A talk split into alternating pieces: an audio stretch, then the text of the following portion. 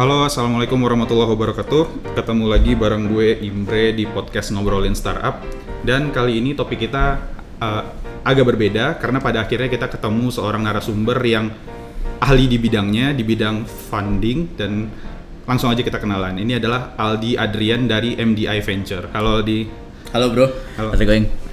good, good, thank you. Nah, jadi sebelum kita ngobrol lebih jauh, gue pengen minta narasumber kita memperkenalkan diri dulu. Kalau boleh silahkan perkenalkan diri dan ya silakan.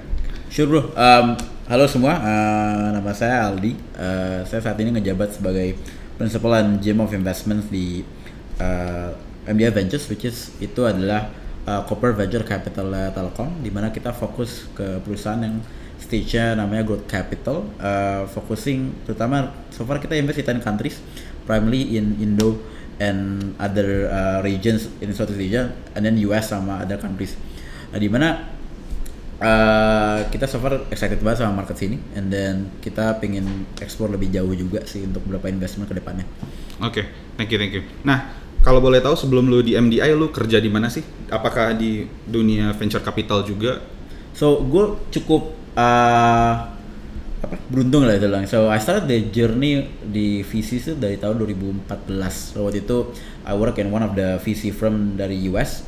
They based in the Silicon Valley. So they set up a new office, hire me as the one of the first employee. Dia I learn directly from the the best in the SV Oke. Silicon Valley gitu. Uh, di mana 2014 itu juga bisa bilang timing yang paling tepat juga untuk startup di Indo ya karena Iya, iya. uh, 2014 tuh uh, mark first largest deal which is Tokopedia itu 100 juta dolar dari SoftBank Iya. sama Sequoia and I- I- akhirnya semua investor masuk gitu dari situ akhirnya gue membangun tim uh, visi tersebut sampai akhirnya di 2016 I was being asked by uh, Bank Mandiri gitu. Iya, oke. di mana dia itu baru mau bikin corporate visi juga baru mau mulai tuh Iya, iya, iya. nah Bang Mario tuh mau bikin visi visi arm juga and then gue waktu itu bantu setup di sana juga akhirnya join 2016 sampai akhirnya gue ketemu mantan mentor gue dulu gitu which is CEO nya MDI waktu.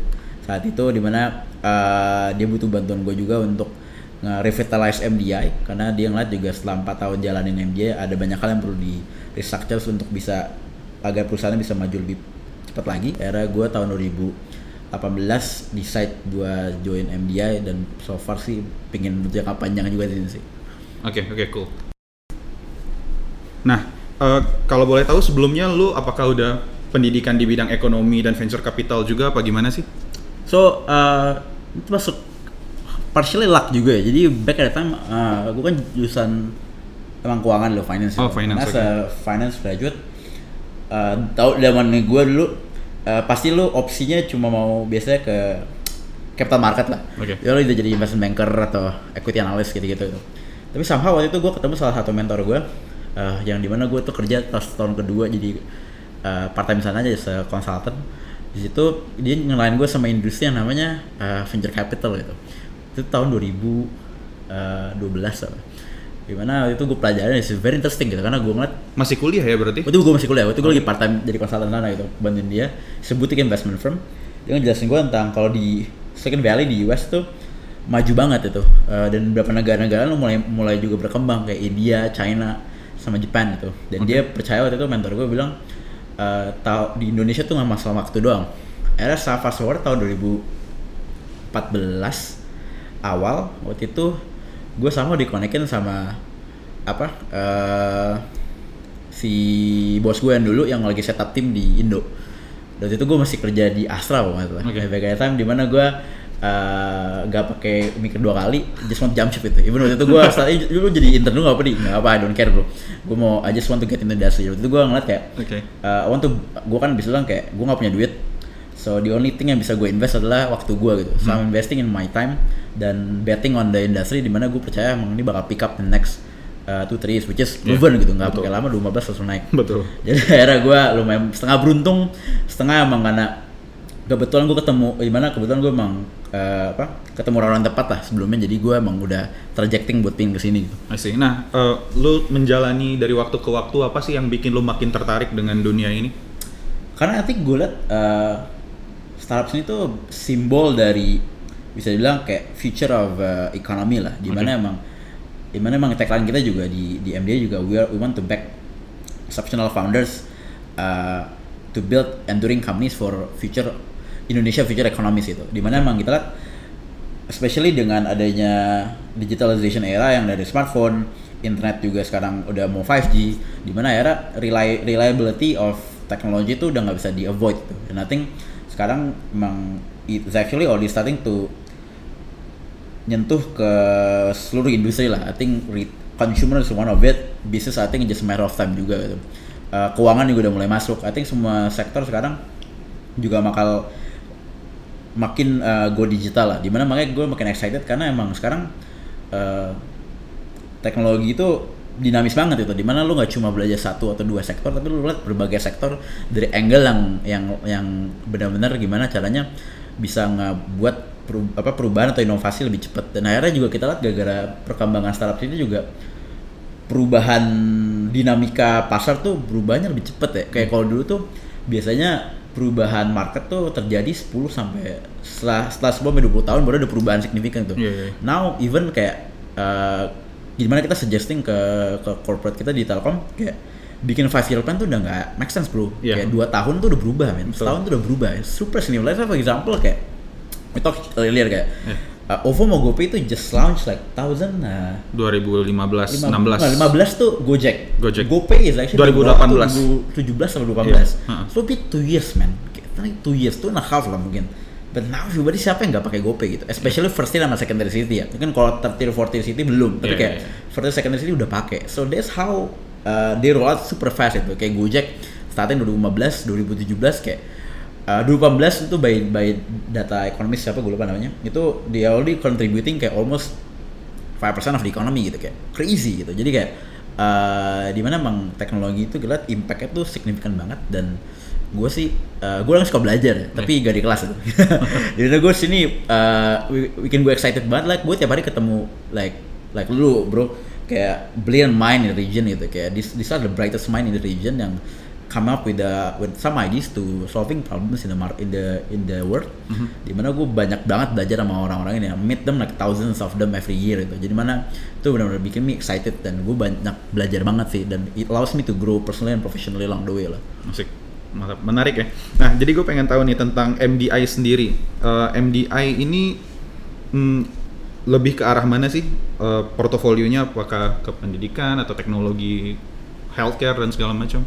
Uh, kita sih uh, bisa dibilang terus masuk yang cukup beruntung ya. When I was in the Mandiri dulu, uh, gue di Mandiri Capital setting up dari CDC. It's uh, kita tuh karena kita under uh, as a bank under bank, di mana kita highly regulated kan. Oke. Jadi kita cuma bisa invest companies yang related highly related with the bank. Oke. Just financial service kan. Is bisnisnya either ya funding, lending sama payment gitu. Mhm. Uh, jadi nggak banyak yang bisa kita ekspor. While in Telkom kita lumayan cukup agile sih, di mana emang karena bisnisnya Telkom juga luas. Ya. Karena emang telco is kalau kita ngomongin di industri digital tuh telco tuh Core-nya biasanya ya. dump pipe lah. Jadi Iya. kita yang yang nge, nge, nge- enabler these players, these bahasanya kan kalau di kalau di apa namanya uh, apa namanya kalau buat di player tuh yang yang apps and those kind of platform itu basically kita nge-empower. Iya, betul. Jadi makanya kita juga emang Infrastruktur secara, infrastruktur dari ya, exactly gitu. Jadi emang value chain wise kita memang make sense untuk grow beyond dari telco along the way. Jadi kita bisa invest tuh uh, very random lah istilahnya. Nggak random sih, maksudnya dalam arti kayak kita bisa invest in variety of other sector tuh. Tapi dan juga karena kita fundnya kan bahasa itu evergreen ya. Iya. Jadi bedanya kita dengan fund manager yang lain atau kayak VC yang lain, kita kan sebagai corporate VC, kita cuma ngelola satu uang dari satu investor which is dari corporate-nya. Dan Oke. dia bentuknya tuh bukan fund ya. Dalam arti kalau fund tuh itu eh, kita ngelola dana orang tersebut dan kita ada kewajiban balikin uang tersebut dalam tempo waktu tertentu gitu. Oke. Biasanya tuh fund life tuh sekitar 8 sampai 10 tahun. Nah kalau kita tuh bahasa evergreen, meaning kayak gue gak ada kewajiban sebenarnya balikin duit ke Telkom, karena gue basically anak perusahaan, penyataan modal langsung gitu. Oke. Nah dari situ gue bisa cukup fleksibel in terms of uh, strategi investment itu. Iya. Kayak tahun 2017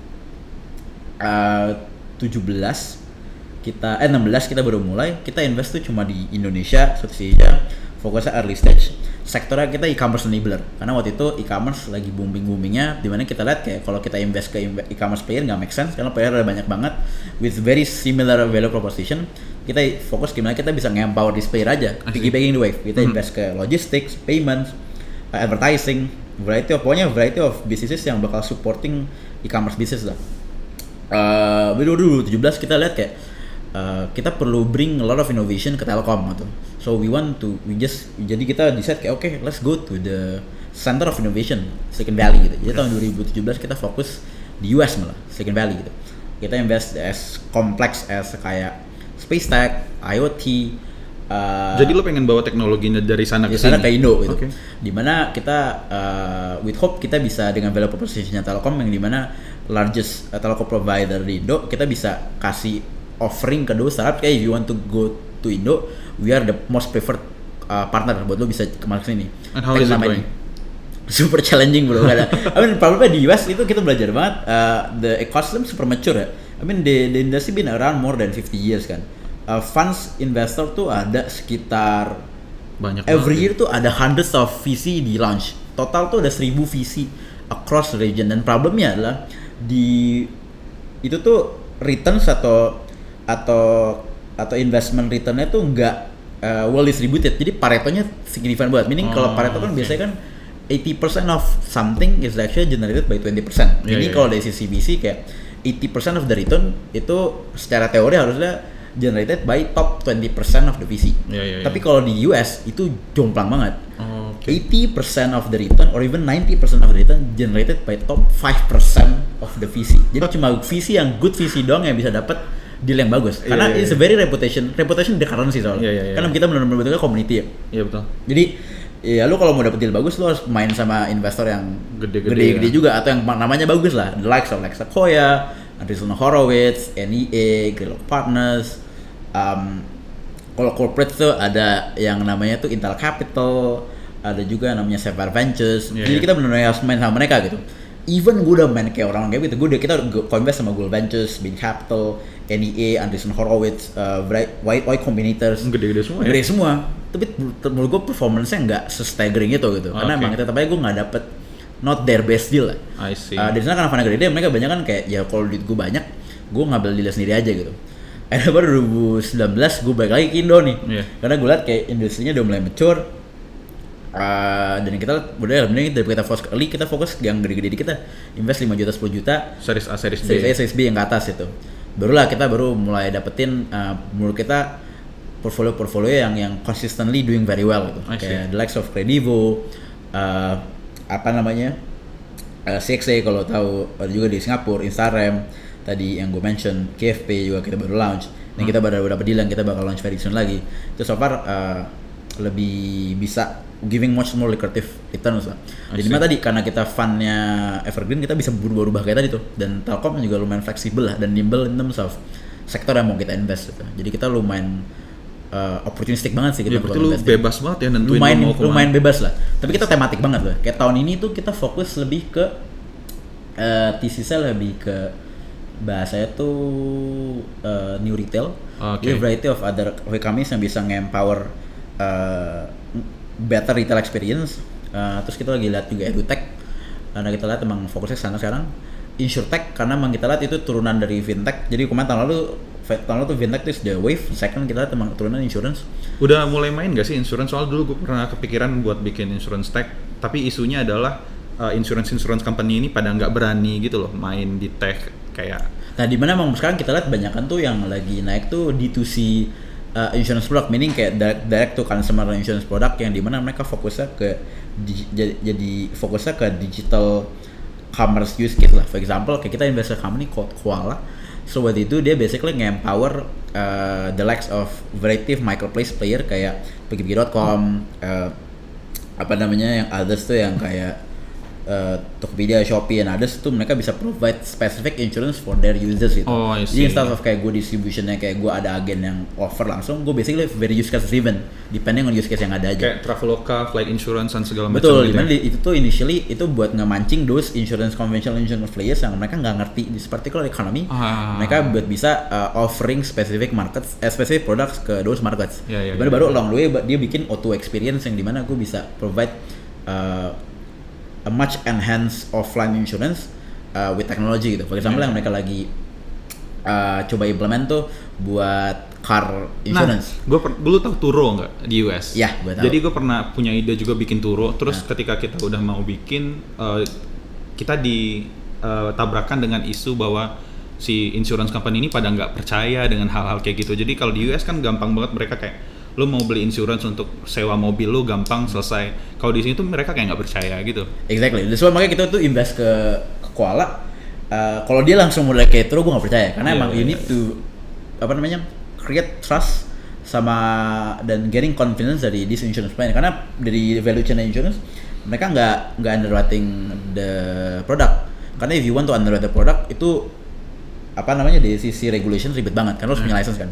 Di mana dia getting trustnya dari sisi yang mereka emang ngerti banget which is uh, this digital economy gitu. Baru akhirnya mereka udah banyak partner sama multiple insurance big big one juga kayak AXA uh, apa namanya kayak Zurich and others. Baru akhirnya mereka offering yang offline tapi empowered by tech.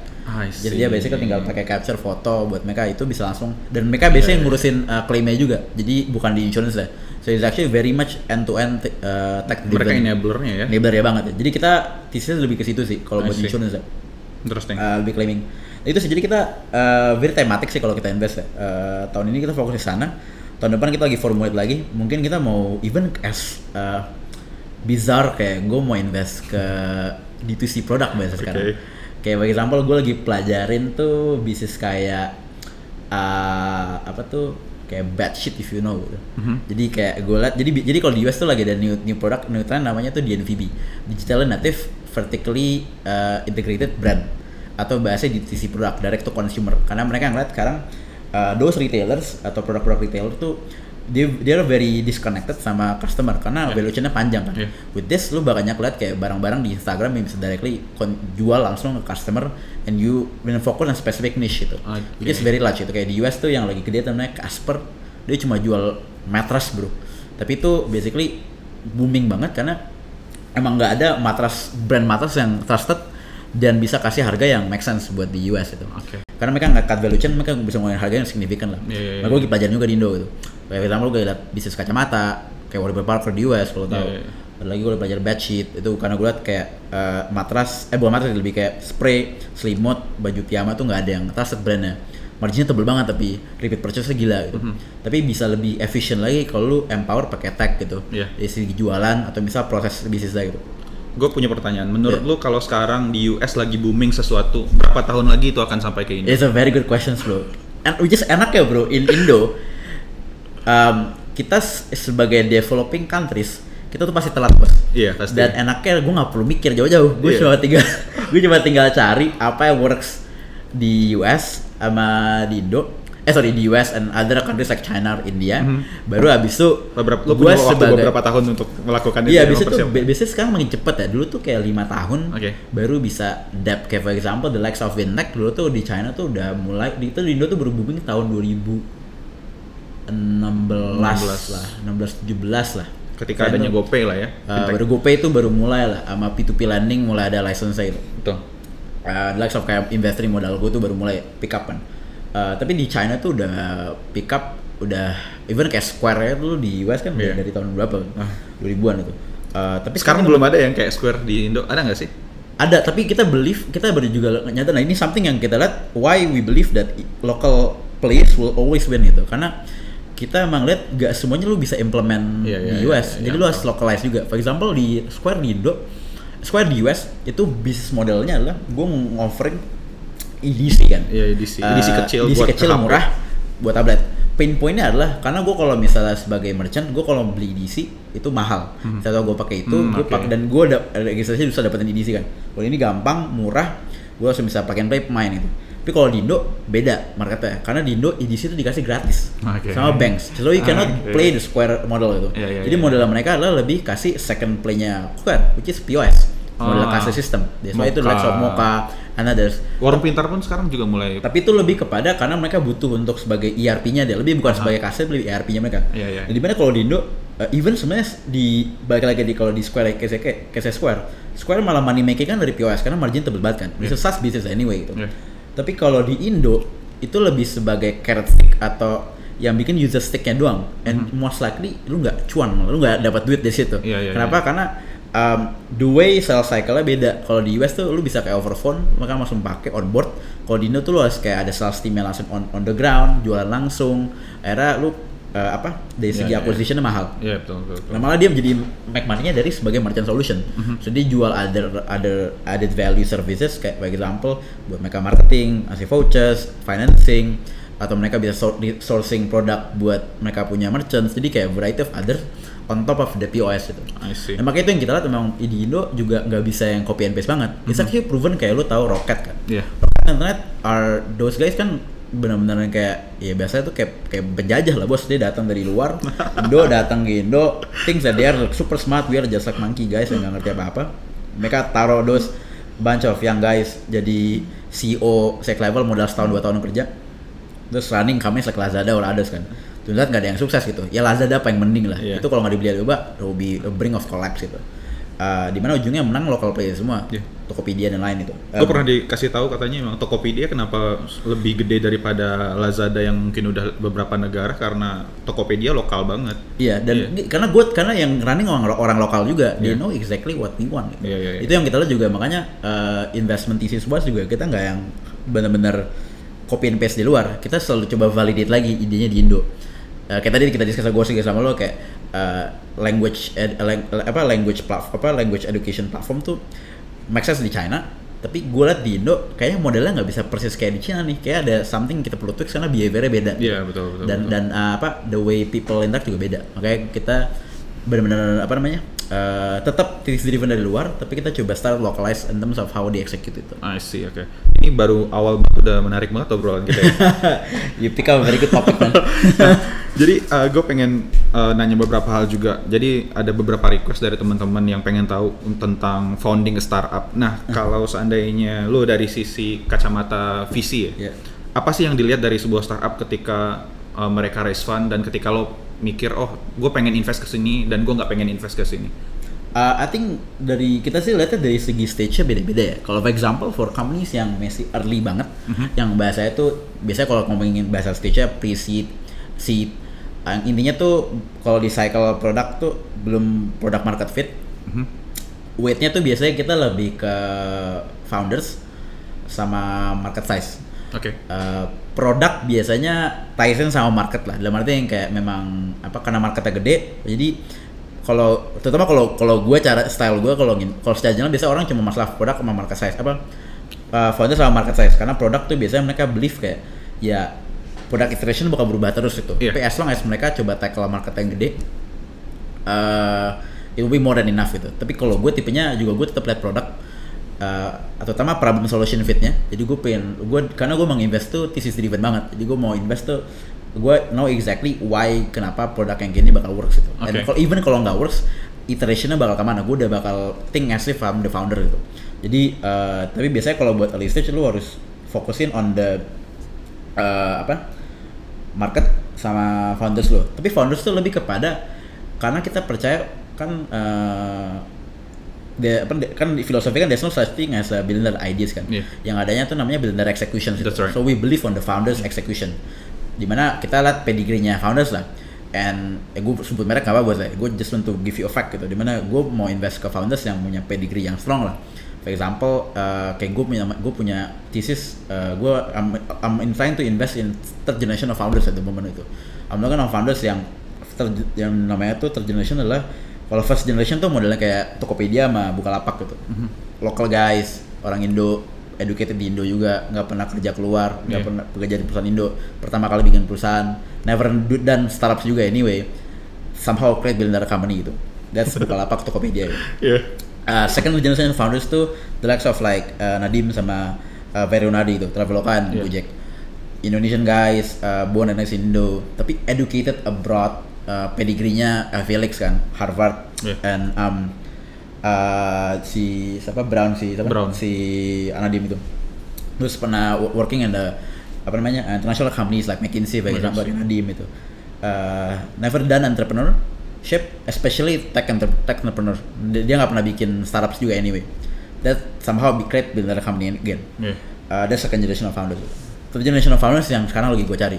Indonesian guys uh, uh, and raised in Indo it could be local educated atau international educated tapi dia pernah punya experience as eksekutif di startups Oh, terutama oke. y- tech itu mah unicorn Shopee Bukalapak eh, Gojek Tokopedia nah ada Kenapa VP menurut lo itu penting? karena gue ngeliat uh, they oh, at least they, they might not be they might haven't create they might belum pernah bikin startups tapi they already know how to grow and scale tech companies gitu in the right way karena mereka belajar langsung dari perusahaannya yang emang udah proven sukses gitu those Yeah. unicorns kan jadi di mana itu gue liat uh, kalau lo udah ngomong denger nonton lu pernah denger Go Figures gak? Iya pernah. Go Figures itu ada satu topik yang gue suka banget yang si Nadim ngobrol sama si Ryu sama Oh iya, gitu. gue nonton yang And then they said, hey, if you could choose uh, two years uh, go to MBA like Harvard atau two years in startups, lu pilih mana gitu? Learning wise, I udah feel nih will choose startups itu. Learning curve gue bakal lebih banyak. Karena bedanya lu benar-benar belajar exactly and directly apa yang gimana cara bikin startup gitu. Oke. And proven beberapa founders gue kayak gitu gitu. Kayak Koala gue invest CEO-nya tuh dulu uh, country manager Bima, uh, si si apa uh, CEO-nya si Tommy itu country manager Traveloka gitu. So these guys dan startup sebelumnya gitu as the executives dan dia create they growing like super fast man. So we are looking for these particular founders uh, moving forward terutama di Indo ya. Oke. Eh, apa baik lagi kalau tapi sorry balik lagi buat buat kalau itu tapi kita lebih lihat tapi kalau misalnya lu secara pedigree mungkin gak strong Eh, tapi yang kita prove kan execution kan Iya. kalau lu emang ngerasa pedigree lu gak strong lah berarti kayak ya lu bukan League graduate eh, lu bukan ex, ex eh, tech companies eksekutif bla bla Eh, lu bukan serial entrepreneur gitu lu proof ke gua number saya karena menurut gua execution uh, you could lie to me but numbers don't lie gitu Iya. jadi biasanya emang gue selalu suggest kalau lu emang ya misalnya bukan coming from strong pedigree background lu starting dulu aja small bootstrap at least lu bisa show kalau emang lu bisa grow the numbers. Uh, users really, really really like your product. Uh, although at small scale people definitely will be oh these guys be able to to execute itu. I see. Eh, itu yang biasa kita di founders itu. Market size ya obviously addressable market. Eh, tapi bukan cuma market size. Gue kadang suka males tuh kalau ngobrol sama founders kayak iya market size kita gede Indo punya 250 juta eh, penduduk. Iya di mana eh, yang pakai pakai smartphone ada sekitar 50 persen. Iya oke. Tapi economical figures berapa gitu bro gitu. Kayak misalnya dan gue maunya tuh biasa bottom up gitu. For example kayak kita ngomongin market size kayak uh, SMEs itu kayak oke SMEs buat SME solution for example. Oke SME solution yang specifically mau pakai produk lu let's say Ya, siapa kasir, kasir tuh berapa persen sih? Terus Ya. mereka mau bayar berapa gitu. Per bulan lu spending berapa arpunya berapa. Jadi kira lu bisa lihat kayak dalam annualize-nya tuh berapa market size addressable berapa sih yang bisa lu tackle gitu. Ya. Eh, itu yang bisa gue cari lah. Kalau nah kalau produk market kalau produk ya lebih simple ya kayak eh, yang di mana dia dia bisa proof ke gue atau give me confidence di mana yang memang model yang mereka coba approach atau modelnya mereka tuh memang memang bisa cocok sama market di Indo lah. Oke. Biasanya tuh gue selalu ngobrol tuh gue pengen gue selalu nanya kalau gue bedah kayak, oke gini jelasin ke gue eh, customer journey-nya gimana sih? Gimana kenapa dari discovery sampai akhirnya user mau pakai both B2B sama B2C misalnya model lu itu gimana sih? Kayak lu coba pain point lu di mana sih? Kenapa orang conventionally orang lakuinnya gimana? Apa yang lu solve dari situ? Gue nggak sukanya juga model gue sukanya modelnya yang nggak ngerubah cara mereka eh, ngerubah totally customer behavior tapi lebih kepada improve customer behavior aja gitu. Mhm. Kayak for example kayak Gojek ya lu udah pernah naik ojek anyway. Iya, iya. Cuma bedanya lu do it better gitu. Ya, ya. Instead of kayak ya di perlu naik ojek gue tawarin naik apa gitu misalnya kendaraan lain gitu. Itu kan menurut gue that's not how it. Berarti lu ngajarin lagi buat buat si user ber- berpakai hal baru gitu. Tapi ini lu nggak ngajarin dari awal karena memang udah dari awal kayak gitu. Itu biasanya gue tes dari sisi produk sih. Nah, tapi kalau lu dia yang growth to later stage, Ya. baru numbers driven banget. Which is kita ada mantra yang namanya unit of economics lah. Jadi kita we are we only investing in companies yang have yang have positive unit economics, meaning that every transaction that you make, every dollar that you spend uh, buat acquire customers atau proses transaction, proses revenue lu, you will make money out of it. Berapapun Okay. marginnya. Oh, Uh, lu mungkin nggak bottom line as a company might not be profitable, tapi by units, biasanya kita lihat itu you actually profitable. So you Oh. actually making a real business model that works lah dalam arti.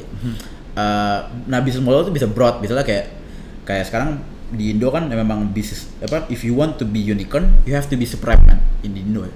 lu nggak bisa rely on one source of revenue gitu Yeah. karena people re- realize kayak uh, the way user interact atau customer interact itu very unique for example di Gojek kayak dia nggak bakal kill yang mereka punya Goret atau Gokar itu Iya, iya, iya. because customer facing gue di sana gitu. Iya. user use my product because of Gokar Goret Kalau kita nyebutnya dulu retention engine ya nggak sih? Exactly, Yeah. exactly. That's, that's true. Di mana itu buat mereka dapetin user. And, and basically loss mereka di situ sekarang. Yeah. GP mereka apa gross profit mereka merah gara-gara di situ doang. Tapi if you looking for other in- kalau lo ngomongin dari sisi uh, per produk uh, itu there actually some products yang profitable atau nearly profitable. Iya, iya, iya. That's actually they make money along the way. Di mana kita melihat kayak per produk atau secara blended itu tuh uh, sama the parts-nya profitable apa enggak. Itu sih kira-kira secara general lah kalau kita melihat. Asih, menarik, menarik banget. gue belajar banyak. Nah, pertanyaan terakhir nih eh, tentang startup startup dan cam- eh, venture capital. Menurut lo apa sih satu hal aja yang harus dimiliki oleh seorang founder? Hal pertama, leadership. leadership. Oke, Gue why? gua nggak gua nggak gue I cannot um, apa namanya uh, kayak discount this factor sih.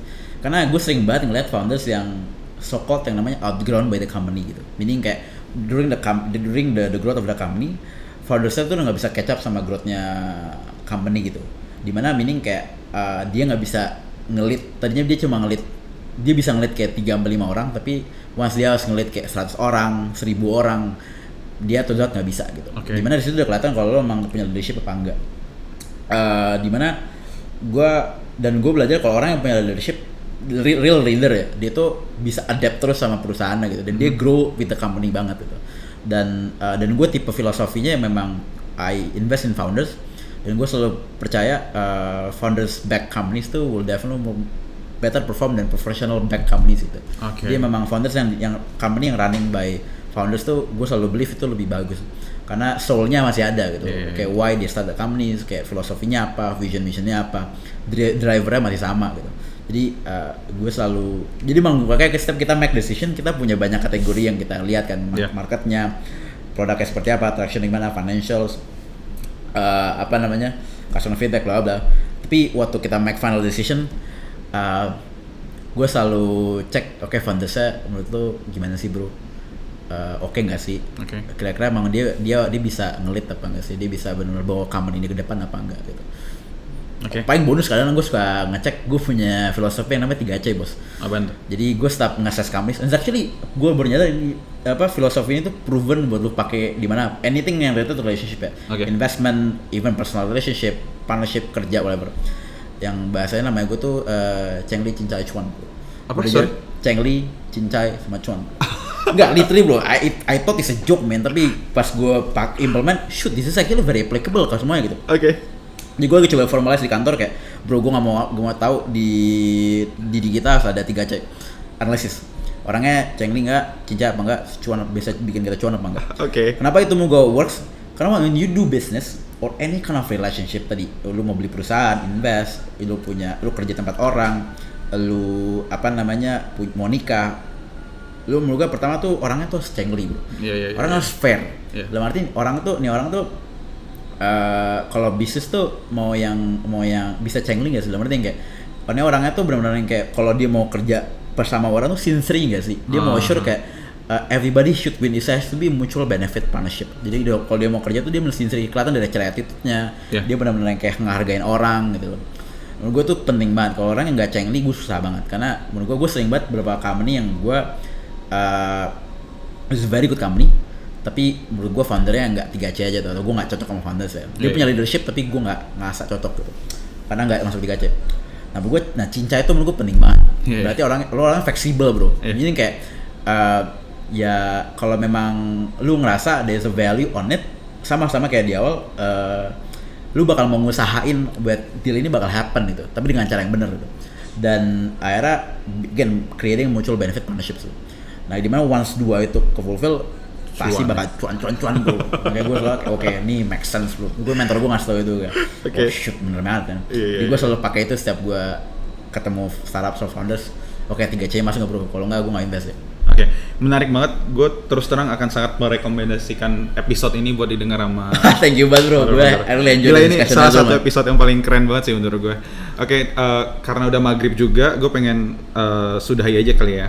Thank you banget, uh, udah nyem nyempatin waktunya sure. uh, di tengah kesibukannya dan akhirnya kita bisa realisasiin juga. Dan uh, seperti biasa, kalau seandainya kalian punya pertanyaan atau kalian punya ide tentang siapa yang pengen diajak berikutnya, Jangan lupa mention gue di Twitter @imbrenagi. Dari gue itu aja. Terima kasih. Assalamualaikum warahmatullahi wabarakatuh.